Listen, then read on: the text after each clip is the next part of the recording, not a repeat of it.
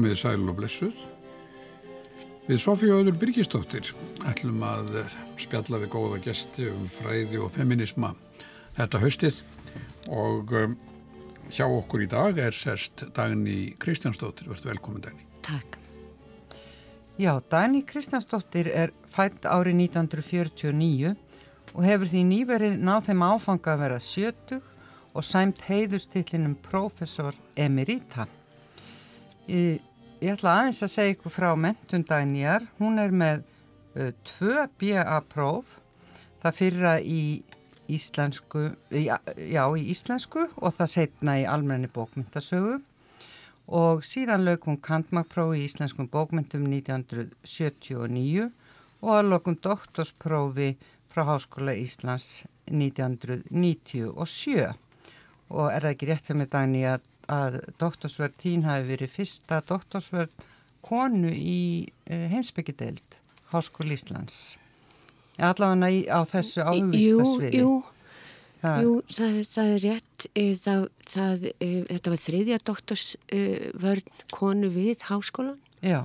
fyrst var Selma sem kom 1960 og svo var einn doktorsvörn í Livjafræði og, og svo kom ég.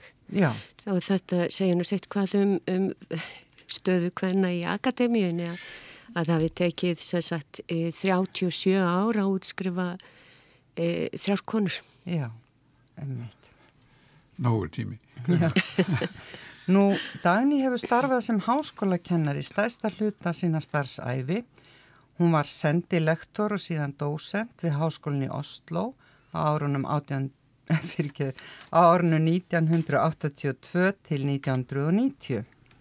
Eftir að hún fluttist aftur heim til Íslands hefur hún starfað við kennslu í íslenskum bókmyndum og hlaut hún prófessstöðu sína þar árið 2001 sem að hún hefur nýverið látið af eins og áður sagði.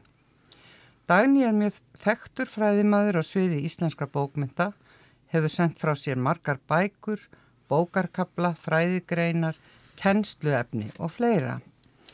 Og helstu rannsóknarsviði dagnjar eru íslenska núntíma bókmyndir, kvennabókmyndir, bókmyndir og sálgreining, barnabókmyndir og bókmyndir og læknisfræði.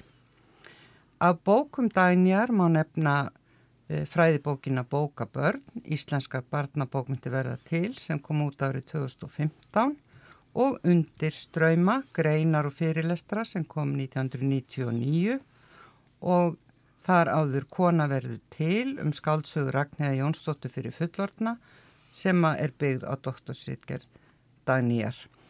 Nú uh, þá skrifaði Dagný ítalega kapla í fjórða og fymta bindi íslenskra bókmyndasögu Máls og menningar sem komu út 2006. Uh, Dagný, mér langar til að kannski byrja á því að, að spurja þig, það þarf kannski ekki að taka fram að, að uh, feminismi litar uh, þín fræðastör mikið og mér langar að byrja því að spurja, já hvernig varst þú feministi? Ég vildi óska ég geti sagt eins og sumi segi ég hef alltaf verið feministi en ég var sko ekki alltaf feministi. Ég var mjög íhaldsamt uh, barn og þröngsýnt. Þannig að, e, að, e, að það var ekki fyrir að ég e, var ákveð hvort ég ætti að fara í mentaskóla sem ég bara vildi gæna gera en, en, en var samt ekki viss. Og pappi saði, hann saði þú ert nokkuð góð að teikna daginn, ég held að væri gluggaskreitingar myndu vera góða fyrir þig vegna þess að þú mynd ábyggilega giftast og þá hefur ekkert við langskólamöndun að gera og, og ef eitthvað hefur gett að fengi mig til að fara beint í langskólamöndun þá var það þetta.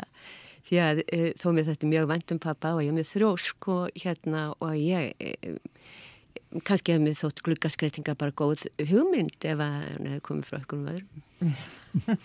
En e, í, í sem sagt e, bæði fyrst í mennskólanum og svo setna náttúrulega í háskólanum þá þá byrjaði hvern frels bara áttan að síast inn og, og, og lita allt manns líf. Og, og þú varst í raun og veru aktív í þeirri baráttu og varst í rauðsokkurhefingunni á sínum, sínum tíma, ekki satt? Jú, jú, ég fór, e, ég fór inn í hana e, sest 1900, e, ég reyndi að fara inn í hana 1975 en, e, en það var ekkert úr því og svo fór ég aftur uh, 1977 eftir ég hef búin að skrifa björritgerðina mína um Svöfi Jakobsdóttur þá, þá fór ég á, á fullu blúsin í Rauðsakarhefingun og var í henni mjög virk í 2-3 ár. Já og þú skrifar einmitt uh, björritgerðina um uh, verk Svöfi Jakobsdóttur og Kvemfrelsis uh, baratuna vefur því saman. En í fyrir björritgerðinni hafður skrifað um frásognartækni Brekkukots annáls já, já. og, og hvena kynist þú þessu uh, já, sjónarhorni að, að, að fletta saman bókmyndateksta og, og feminisma? Ég, það var e, náttúrulega fyrst og fremst Helga Kress sem að, að hafði alveg gríðarlega áhrif og breytti, breytti lífi mjög margra ungra fræðikvenna á þessum tímabili. Hún uh, skrifaði tvær áhrifamekla greinar 75 og 76 sem kom í skýrni þar sem hún kynnti feminíska bókmöntafræði til sögunar og, uh, og björðreitgerðin mínum svöfu var skrifuð undir uh, miklum áhrifum af, af þessu en ég tók líka, mér fannst ég verða að gera grein fyrir fyrir stöðu íslenskra kvenna í samfélaginu áður en ég byrjaði að greina sögur svöfu af því að þær eru svo sprotnar upp úr og svo mikið svar við eh, því sem hafi verið að gera stáratvíin og undan. Og það var bara helmingurna rittgerðinni, hún er náttúrulega e, algjörlega ofvaksinn björrittgerð 76 síður eða eitthvað svo leiðs Já En sem sagt, þú bendir hérna á tvær greinar eftir helgu sem hafðu áhrif á þig, en hvað með í þínu námi, í þínu bjöðanámi? E, það voru líklega ekki hvern kennarar komnir til þá í nei, nei, íslenskuna? Nei, engin. Og ekkert kannski feminist eða hvernlegt sjónarhóttni yfir höfuð? Nei, það, uh, það er nú varlega hægt að tala um það, sko. Það er, uh, þetta voru... Uh, Þetta var hvernmannslaus saga, e, bókmyndasagan e, eins og hún var kent þarna. Það var, e, það var, það var bókmyndasagan eins og hún hafi verið skrifið og kent og, og, og rætt. Rúmaði yfirleitt einn hvernhöfund, kannski tvo. Já. Það var Hulda Já. og kannski Óluf frá hlöðum en ef að kom þriðja konan inn þá var þetta orðið bara óþólandi feminismi Já. svo leiðis að ef átt að bæta ykkur einni við í staðin fyrir eða, eða ef átt að bæta einni við þá var önnur af hinnum að fara út. Já Það, maður hefur einmitt tekið eftir þessu að ef að konur mm. komnar upp í sko 30% þá finnst uh, kallmennum ofta þessi komin ansi mikið feminísk slags í það já, þetta, á, á námskip. Já, það er einmitt, það er, þetta hefur verið mælt. Já, já. Það myndast óþól. Já, þetta er merkilegt. En, en sem sagt, uh, uh, á, í byrju nýjenda áratörins þegar að Helga er að hefja sína kennslu og með sinn feminisma þá ert þú kennari í eh, Norri, í Oslo og kynntist þú þessum fræðum þar líka? Sko ég e, ég var e, ég tók mér svolítið frí frá hérna frá uh, aktífri kvennabaráttu í, í Norri ég það var uh, þegar ég var í Norri og í þessi 7,5 ár sem ég var þar þá var eh, hvennarhefingin á, á nýjunda áratöknum þá var hún í svolítið eh, miklu bakslægi að mörgu leiti sko, vegna þess að að eh, hvennabaráttan þegar hún byrjaði 1970 til 80 var svo galversk og það voru svo miklar, eh, mikla barátturhefingar og það var svo mikið Eh, mótmælagöngur og, og það var svo augljós eh, félagslegt óréttlætti sem menn voru berjast gegn. en, e, en það getur engin staðið e, í, výlínunni e, mjög lengi í þessu og margar af e, e, svona forvíis konum baráttunar til dæmis í Dammörku voru brunnar út mm. og uh, sama að mörguleitum konu komu inn og fóru út aftur vegna þess að uh, mann get ekki eitt, uh, mann get ekki verið byltingamenn í fullu starfi mm. og, og mér fannst einhvern veginn ég var bara að horfa á það sem var að gerast en en vissulega þá uh, notaði ég feminísk fræð og fyldist mjög vel með allan tíman. Já, og það er kannski það sem ég á svona frekar við hvort að í fræðunum hafi, hafi verið svona kynst uh, feminismannum í Nóri að því að maður tekur eftir því að með helgu sá feminismi sem kemur með henni er gerðan frá Norðurlöndum sko, já.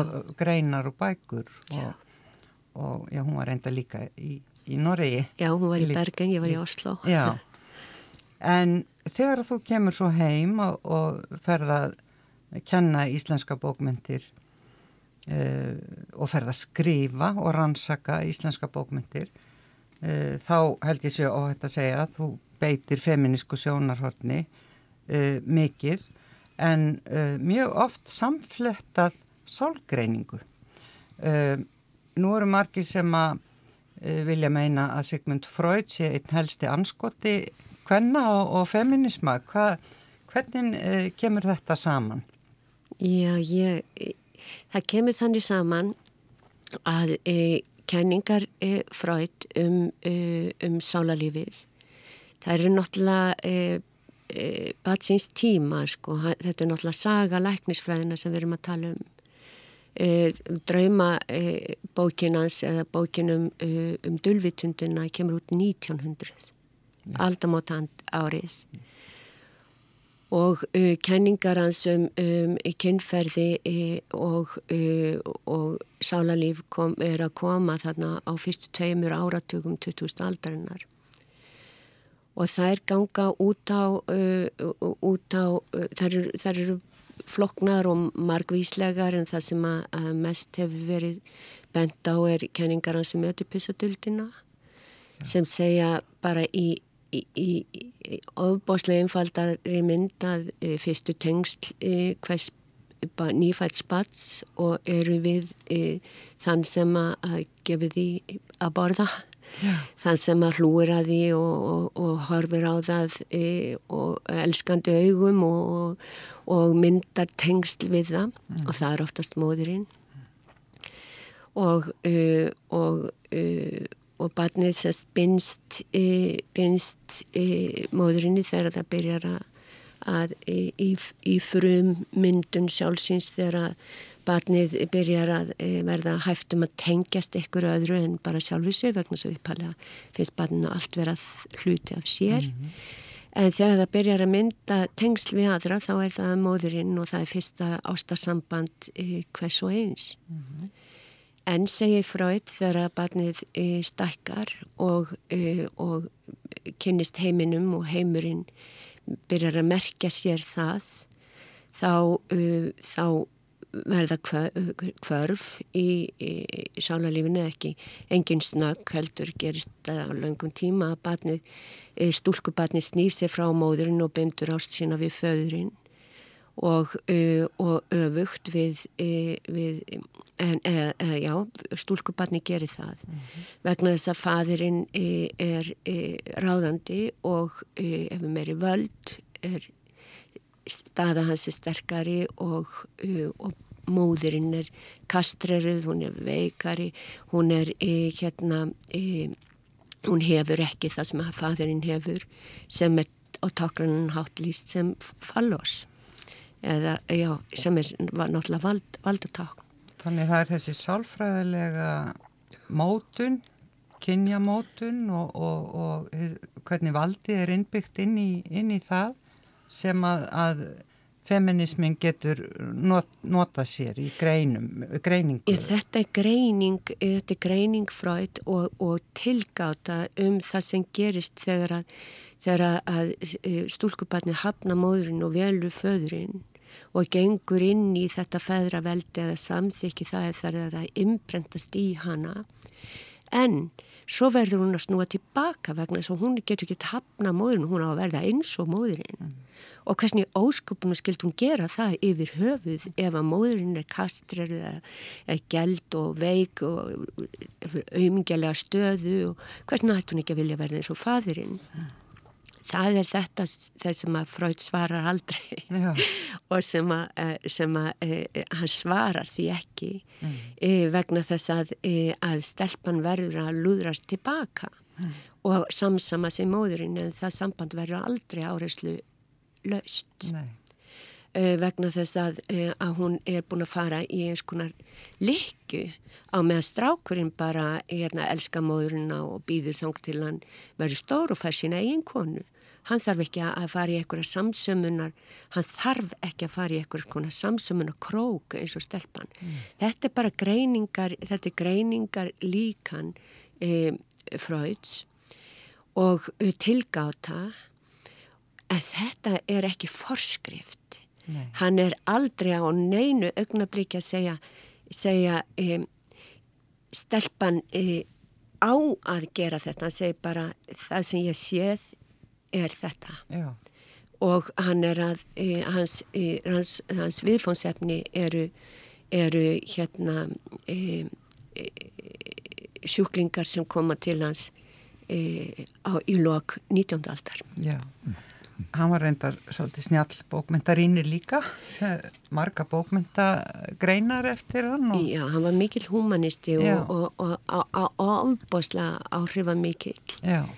E, e, fram eftir allri e, 19, nei, 20. aldinni eða frammyndi stríð og yfir stríð mm -hmm. og ennþá, e, e, ennþá eru áhrifan sínilegi í því að þau ganga inn í svo margt. Já, það eru hugtök sko, jáfnveg þeir sem að, að e, lísónum eins og anskota með hotn og, og, og, og klöyfir þeir ja. hérna þeir væri vísið til að vera að tala um dölvitundina eða eða eh, hinn og þessi eh, orð, hugtök. og orð sem koma úr sjálfgræningunni en, eh, en hérna en sem sagt það sem að feminismin var að sækja til til frauds uh, og til sjálfgræningarnar á nýjunda áratöknum var einmitt vegna þessar þreytu sem farið að gæta á menn uh, marga konur hafði þá tilfinninguna þar væru alls ekki að ná inn í kjarnan hvers vegna konur hefðu sætt sig við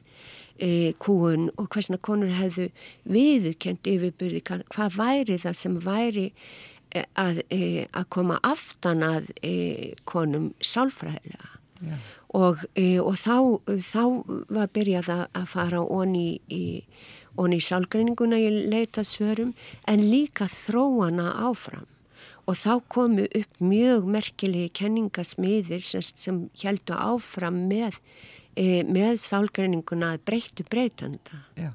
til að reyna að skýra það til dæmis hvers vegna svo margir, marg, margar konur tala um, um erfitt samband við mæður Já. og hvað er erfitt að sætta sig við kvenleika sinn yfir, yfir höfuð mm og uh, mér minnir að það verið þú sem saðir og ég, mér minnir það ekkert, ég veit það að, að þú saðir að meðan hjalt, uh, hérna hjalta einn hjaltabóka Stefáns Jónsson heiti Mamma skilur allt Já. þá getur einhvern orð uh, unglingabóka fyrir stelpur verið Mamma skilur ekkert. Já og, og þessi setning Mamma skilur ekkert er reyndar tekin úr Þórubókum Ragnæði Jónsdóttur sem að þú skrifar um þína doktorsritgerð eða það er að segja eh, Þórubækurnar og fleiri bækur uh, hennar Ragnæðar fyrir fullorna og uh, í þinni doktorsritgerð beitir þú sálgreiningu sál, og já, í þinni textagreiningu og meðal annars fjallar um eh, þetta stríðasamband Þóru frá Kvammi við móður sína, ekki satt? Já. Og uh, þú fjallar líka mikið um, um þunglindi, getur þú sagt okkur aðeins frá að því þú hefur skrifað um það víðar, um hinn þunglinda texta? Mm. Já, það er sko, það er náttúrulega, um, e, sko sambandið við e, e móðurinn ef það fer e, verulega illa þá getur það orðið eins og e, það var einna gamlu sálfræðingunum Abrahams héttan sem, sem talaði um það að, að sorgin yfir áfall og missi getur orðið eins og grafhísi inn í okkur og, og, um, og það er að sumuleita það sem gerist finnst mér í, í uh, prósessin sem er líst í þórubókunum. Það er að um, móðurinn hafnar þóru. Já. hún er rauðharð öfugt við ljósarðu fallegu börninannar hún er bara einhvern veginn aldrei, getur aldrei e, e, móðurinn getur bara aldrei viðkjönd neitt sem hún gerir. Hún er ekki búkona eins og Dísa sýstur. Hún er ekki búkona, hún líkur í bókum eins og halvviti. er, er sálgreiningin er, er það gott tæki fyrir sko, bókundafræðing?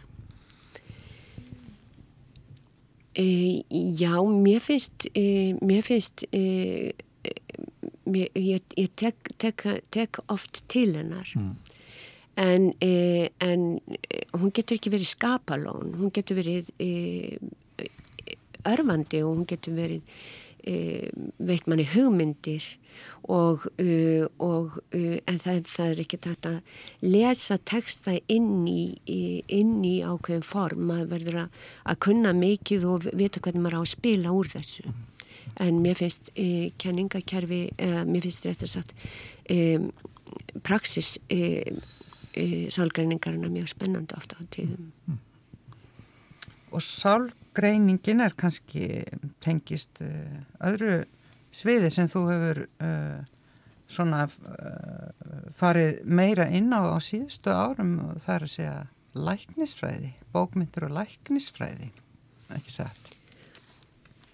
Jú, það er... Um, það er e, tengist e, gaggríni sem að hefur verið borin fram og með vaksandi þunga lengi. Það e, gaggríni á, á e, skarp skil á milli hug og raunvísinda og, og, e, og ví, vísinda trú og vísinda dyrkun e, sem að kemur oft niður á, á á humanískum uh, viðhorfum eða, eða um, mannhyggju og, uh, og ekki, er ekki til góðs að margra manna mati og menn hafa líka gaggrínt þessi að þessi skörpu skil haldist og uh, haldi að þetta flæði allt saman saman þið tölum um það í fyrsta þættinum Já.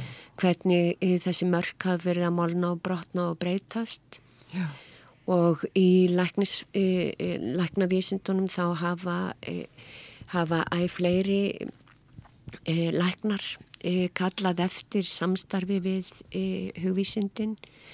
e, vegna þess að, að þeir vilja margir, margir hverjir kalla aftur á meira samband við sjúklingin og meiri heldar hugsun um manneskuna og, og líðan hennar En ég vona að ég sé ekki að, að, að ljóstra frá leindamáli. Ég veit að þú ert að skrifa bók um bókmyndir og læknistræði. Eh, hvernig nálgastu það? Í, eða, já, getur þú sagt okkur aðeins frá þeirri bók? Hún er ekki langt komin, satt að segja. en ég hef, eh, ég reyna að fletta saman eh, sögulæknisfræðinar og íslenska bókmyndir vegna þess að, e, að í íslenskum bókmyndum er mjög mikið að finna um e, líkanlega líðan, e, líkanlega og sálega líðan fólks að sjálfsögðu. Og, e, og það er mjög, mjög gaman að, að sjá hvernig, hvernig þessu er líst. Ég er núna að lesa nýju bókinans Ara Jónsson um, um spænsku veikina. Læknis? Já. Já og Jóhannessonar já, og, e, og þar sest er verið að fletta þetta saman e, sögu og, og, og bókmyndir og læknisfræði og það e, er bara e, mjög gaman að, að sjá það gerast. Þannig þetta er, þetta er þá kannski eitthvað skonar hugmyndasaga í gegnum bókmyndir eða hvað? Já, þetta er, þetta er það. Já. Hugmyndasaga fyrst og fremst. Já. En ef við snúum okkur aftur að, að e, feminismannum og nú skrifaður þú eins og grein með yfirskriftinni kyn skiptir máli í öllum, öllum textum e, og getur þú eitthvað sagt okkur kannski um þróun e, feminískrar bókmyndafræði, hvernig hún skiptist í, í Tímabil. Já. Já. Ég get reynda mist, þú veist, að hérna, uh, sko, ég hef búin að tala um það hvernig fyrsta uh, tímabilið millir nýju kvennarhefingarna, millir 70 og 80 var uh, upptekinn af, af samfélaginu og, og samfélagsleiri stöðu kvenna og stöðu og möguleikum eða möguleika leysi hvenna Borgarlegun réttindum Borgarlegun réttindum mm. eh, en þó fyrst og fremst hvar borgarlegu réttindi hætta og hver, hvern réttinda barátt að breytist í hvern frelsis baráttu mm. vegna þú getur haft réttindi sem þú getur ekki nota það mm. því að mm. þú ert ekki frjálsaði að nota það þú, þú tekur ekki boltan eða finnst að þú eigir ekki að gera það eh, undir niðri eða eitthvað, eitthvað svo leiðist þannig að, að, það, e, að það þarf að fara á bakvið bakvið réttindin og spurjum hugmyndafræðina. Mm -hmm. hvernig hefur kerfi orðið til? Hvert er, hver er, eru eðlistættir valdsins ef svo mætti orðið komast bókmyndirnar eru náttúrulega alveg ofsalega gott tæki til að skoða hugmyndafræði mm. og e, það komi fram þarna á 8. áratöknum komi fram bækur sem að voru alveg lesnar upp til agna og rættar upp til agna eins og til dæmis kundasetjan eftir auði Haralds mm. sem að, e, talaði um heimilisofbeldi og ofbeldi gegn konum á nýjan hátt það voru sjónvarstættir gerðir um þessa skáldsögu og með e, það sem að auður var e, satt fyrir svörum og, e, og svo fagmenn úr e, úr e, hérna sem að hafðu sett að segja þetta var náttúrulega gerði mjög mjög mikið fyrir kvennabaráttuna mm. og um, Norma Samuels dóttir e, talaði, skrifaði um þunglindi og það ger líka ása sólveg. Mm. Þessar bækur voru lestnar í vitundavakningarhópum í í rauðsakarhefingunni mm. og uh, rauðsakarhefingin notaði bókmyndir mjög mikið til þess, uh, til þess að ræða og opna umræðu Já. um uh, það sem gerðist á heimilunum sem að hafði ekki verið svo, svo mikið talað um eða mátt ekki tala um áður. Mm -hmm.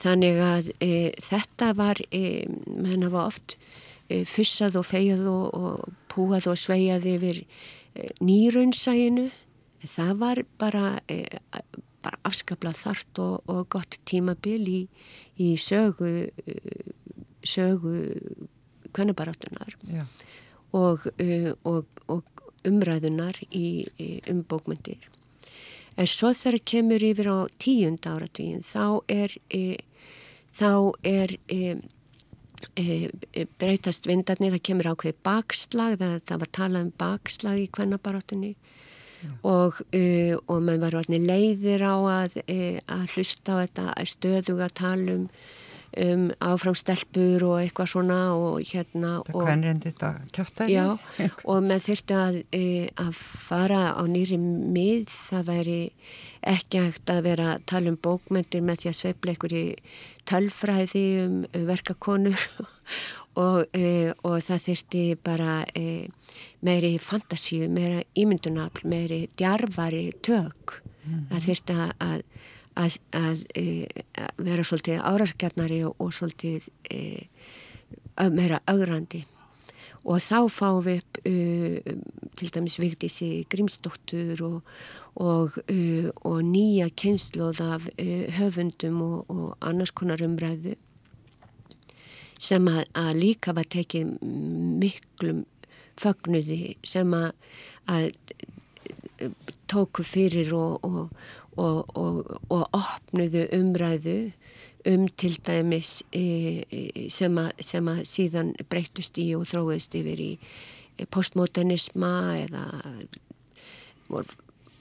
kalluði hann fram og postmoderníska nálgun og, og bókmöntafræðilega nálgun og líka hinsegin fræði byrjuði að opnast þarna og, og svo framvegist þannig að það, það breytust svona ströymar en e, bakslæginu fylgdi líka það sem hefur verið kallað postfeminismi sem að, e, sem að er ekki, ekki hérna e, svona djarvar og, og árásagjarnar e, afstöður e, fyrir, e, fyrir feminista eða á vegum feminista heldur meira eins og Sex and the City sko, hérna, beðmál í borginni Já. þar sem að, að var sagt ekki hver, eh, ekki hérna við erum að berjast saman heldur bara hver kona fyrir sig mm.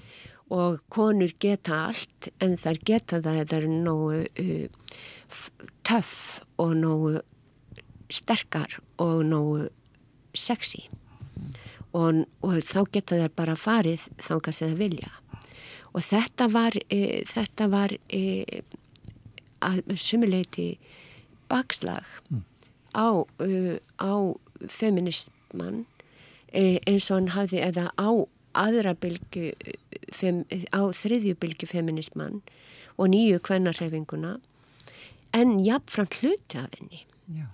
Og þannig, e, þannig e, semst, e, Ástís Helga Óskarsdóttir er ungfræðikona sem er nýbúin að skrifa mastersriðgerð um bylgjur kvennarhefingarinnar og hún skiptir semst fyrstu bylgunni yfir í, 1900, e, í 1970 til 1930 þá kemur svona þá kemur kreppan og svo stríðið og allt verður uh, uh, allt er undirlagt undir þessi stóra átök Erum það að tala um fyrirgeðan erum það að tala um Íst, á Íslandi?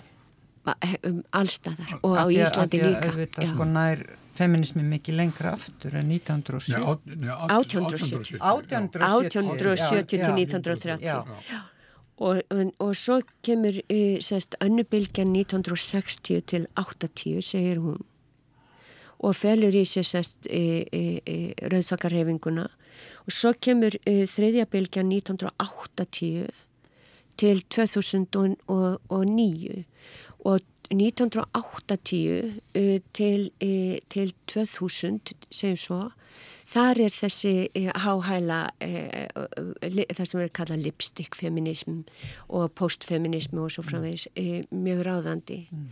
En, en hún talar um að núna sé í gangi undibúningur að fjórðumbilgi feminismanum sem er að breyta mjög mikið viðþorfum og, og og fara inn á uh, ný, nýja hugsun sem að byrtist til dæmis í MeToo og uh, byrtist í því að, að konur taka yfir uh, þar krefjast eigin rattar og taka yfir samfélagsmiðlana ef þeim sínist svo mm. Er þessi þetta tímabil sem þú nefnir uh, og tókst dæmi beðmál í borginu sem dæmi Já. Uh, sko var þetta ekki Íla dæmum það að eh, nýfrálsíkjan, eh, bara þessi nýji, ströymur í kapitalismannum hafði náð, náð konunum, náð kannabaratunni. Nýfrálsíkjan? Já. Algjörlega. Já. Já. En núna sem sé er að gerast eitthvað djúbstöðara. Já, núna, núna er hérna, e, það er miklu meiri, meiri pluralismi, miklu meiri fjölhyggja mm. í, sem við sjáum núna og erfiðara, þess vegna eru, eru allir að tala um að fjórðabilgja sé að koma mm. vegna þess að byrtingaformennar eru svo mörg. Má ekki líka segja að, að sko að í þriðjubilginni þessum lipstick feminisma, það, þar hafi verið meiri einstaklíksíkja og minni áslá samstöðu. Uh, og, og við sjáum hann að vera að koma aftur í gegnum MeToo og fleiri uh, reyningar samstöðun já, já, já, já, mér finnst það. En ef við, ef við tengjum þetta eins við bókmyndir eða reynum að það verið gaman að heyra þig útskýra sko mismundi stig í í eh, feminískri bókmyndafræði. Sko nú er fyrstu stígin í feminískri bókmyndafræði er það ekki felast í að uppgöta höfunda uh, konur sem voru gleymdar, uh, grafa þær upp úr, upp úr fortíðinni, ekki satt? Er það ekki svona kannski fyrsta stígið í feminískri bókmyndafræði ef við hugsaum núna bara um bókmynda? Uh, jú, algjörlega, jú.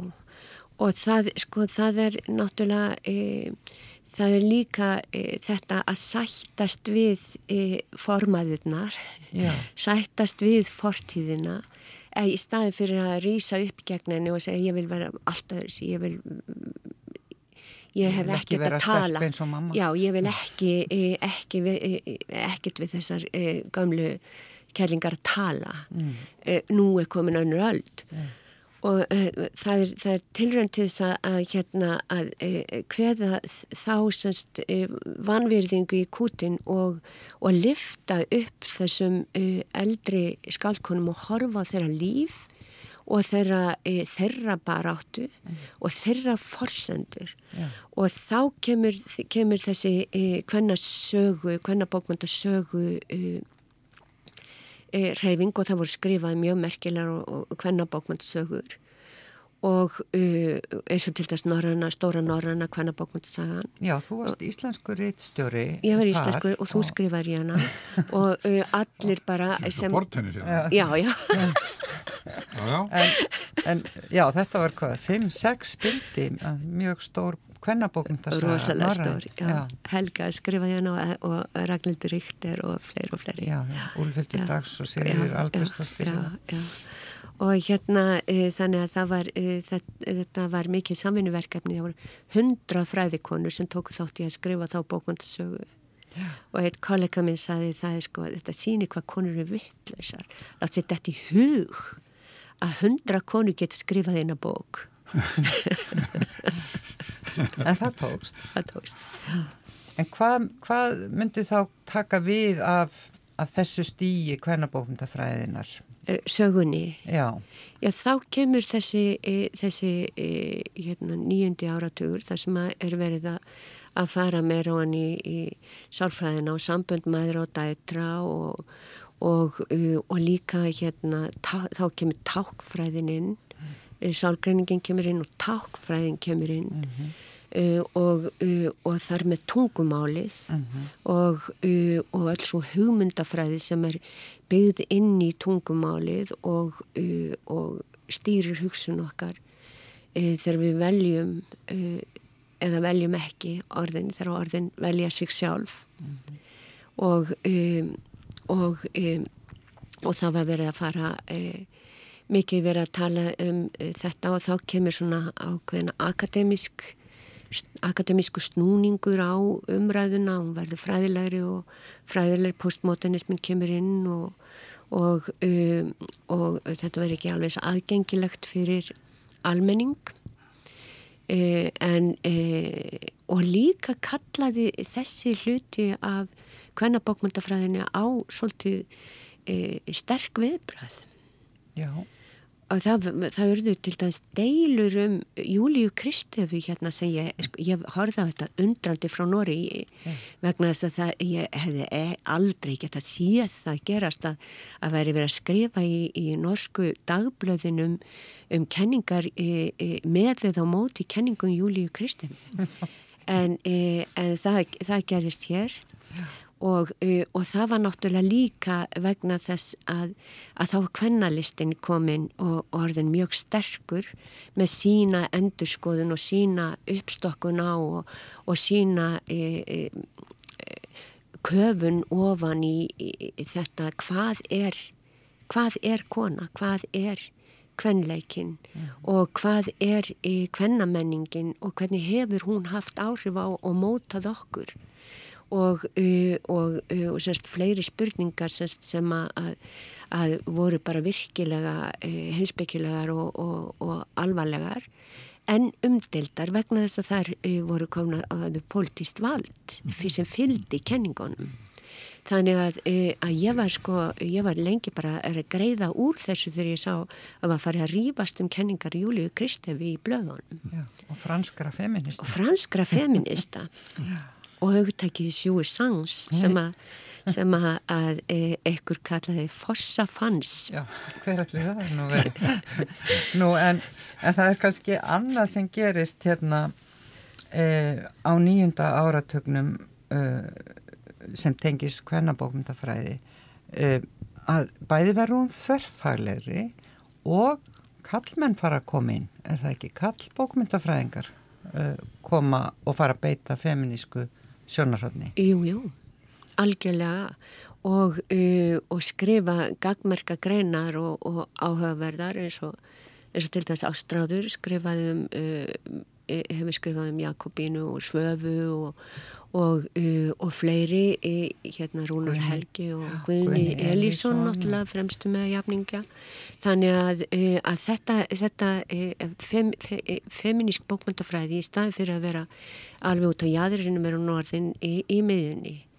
Og, uh, og fullkóla fullkóla bara gjald, gjaldgeng og, og, og mikið tekina af bókmyndfræðingum Báðum kynjum. Báðum kynjum. Og kannski er þetta þá hvað, einhver afrakstur kennslu? Helgu Kress og Danja Kristjánsdóttur Já og, og Guðna og fleiri sem Já. að að e, tóku þetta bara upp og, og, og tóku þetta, uh, kerðu þetta inn og svo sagt hefur, hefur þá var ekki aftur snúið. Mm. Þú nefndir áðan, hérna uppið þú nefndir þú Svöfu Jakobsdóttur og nú vil svo til að Svafa Jakobsdóttur var stjórnmálamadur og, og ritthöfundur Uh, þannig að þar fór mjög saman á hverðin virkni í hvenna baráttu á hann á tveimur, tveimur sviðum þegar þú ert að tala um þessa sögu þá leitar það á minn huga hversu eilega hversu góð bókmyndafræðin er til þess að, að skoða réttindi hvenna segjum ef ef, ef við lítum framhjá ef að Svafa hefði nú ekki verið stjórnmálamadur, ef kvennalistin hefði nú ekki komið til e, og semst, semst, virk pólitísk kvennabaráta heldur það þyrti væri e, bókmyndafræðingar þyrtu að einblýna bara á bókmyndirnar væri það hver, hvernig tæki væri þá bókmyndafræðin? Ég, ég held að e, ég held að e, þetta, e, þetta tvent baráttan á samfélagslegum vettvangi og á hugmyndalegum og fagufræðilegum vettvangi ég held að þetta næri hvert annað mm. og, uh, og, uh, og uh, ég held að til dæs ef að ef að virka virk kvennabarátta hefði ekki náð þeim árangri sem hún náði þá held ég að kannski hefði verið enþá þingri eh, róður fyrir, eh, fyrir feminisma í bókmyndunum að, að ná í gegn og, og dafna svona eins og hann gerði. Ég bara tek dæmi um, um, um marxismann sko að að þessi svo róttæka baráttu sem átt sér staði alls konar smá fylkingum og mikil umræða og svo framvegs framvegs á áttunda áratögnum hún fætti ekki, ekki hún náði ekki í gegn og varð ekki varð ekki það afl sem í samfélaginu eins og hún vildi verða á meðan feminismin gerði það. Mm og, og, og þar að leiðandi þessi virka, e, virka, e, e, virka þróun í fræðunum. Mm. Uh, nú finnst mér áhugavert dæni að, að vita nú þegar þú ert að láta af störfum sem háskóla kennari. Uh, ég, ég hef látið af störfum. Þú hefur látið af störfum sem háskóla kennari. Uh, hver er helsti munurinn á því að læra íslenska bókmyndir eða bókmyndfræði í háskóla núna þegar þú ert að hætta kjenslu eða, og frá því að þú byrjaðir þar sjálf sem nefandi? Það er bara, það er heimin og haf. Það er sko, það er bara mjög mikil munur. Já. Það er, e, e, það, og það er, það er eiginlega ekki hægt að byrja á því e, vegna þess að að við, ég var áðan að vitni í hann pappa minn sem var sko náttúrulega stuttum mig eins og hann stuttum í öllum mínum ákverðunum e, þó hann væri að segja þetta um glukkaskreitingarnar e, en, e, en hann var fættur 1913 Já. og kennararnir okkar þeir voru fættir, þeir yngstu voru fættir fyrir eða í kringum 1940 þannig að, og mentaðir af, af þessum eldri, þessar eldri kynslu þannig að, að það var sko allt var allt var til dæla læst niður, það var byrjað að breyta staðins þegar ég og við byrjuðum í námi.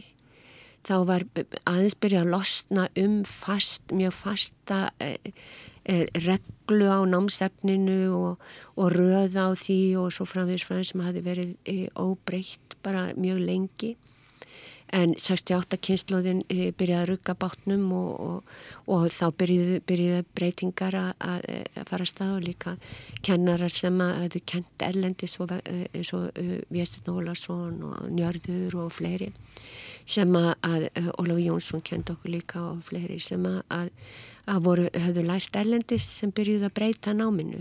En núna þá eru kennararnir í, í bókmyndum þeir eru mentaðir út um allan heim í, í bókmyndum við Háskóli Íslands, þeir eru mentar út um allan heim.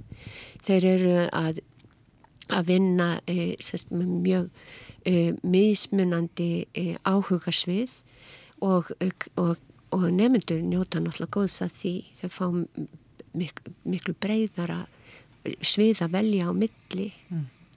og miklu fjölbreytilegra nám og samsættar. Og væntanlega lesa þeir meiri fleiri texta eftir konur en þeir gerðu. Já, það er alveg, það er eitt sem er alveg víst. Já, og þannig að, að feminismin sem slíkur, hann hefur væntanlega haft afgerandi áhrif á, á þitt fag, bókmyndafræðina og, og háskólan, kennsluna? Já, hann hefur það og mér finnst að, að bara, e, það er bara svo margt skemmtilegt að gerast, sko, finnst mér hjá... E, ungum uh, fræðikonum sem að, bara ber þess vott að, að, uh, feminismin er ekkert á leiðin út.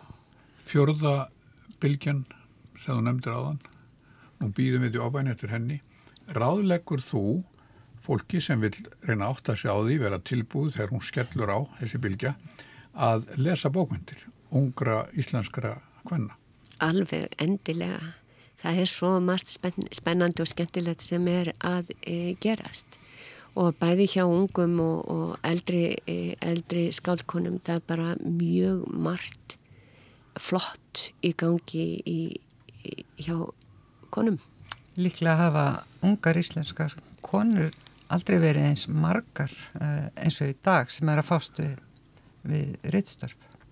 Já og það er líka, e, það er líka e, mynda hópa og vinna Já. saman og, e, og einstaklingshyggja e, sko, eða þessi einstaklingshyggja hver kona fyrir sig er ekki eins áberandi heldur, heldur hérna heldur vinnaði saman og sundur og, og mynda netverk og, hérna, og, te og tengjast e, gjarnan mm.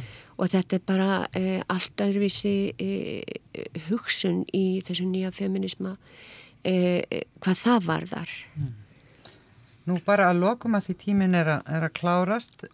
E, ég gerir áfyrir að, að feministinn og bókmyndafræðingurinn Dani Kristjánsdóttir ætli ekki að, að leggja niður pennan þótt hún sé orðin profesor emerita? Nei, mér, það kvarlar ekki að mér, maður, maður, e, þó að maður e, fara á eftirlaun þá, þá er maður ekki dauður, hvorki andlega nýja líkala. Og mörg verkefni. Mörg fyrir. verkefni framöndan og margt, e, margt sem að, að ég er með í, á, á, á mínu borði, sko. Þá byrjar fjörur fullkomið frelsi. Dagni Kristjánsdóttir, bókmyndafræðingur bestu þakki fyrir að spjalla við okkur Sofjóði Birgisdóttur og hlustendur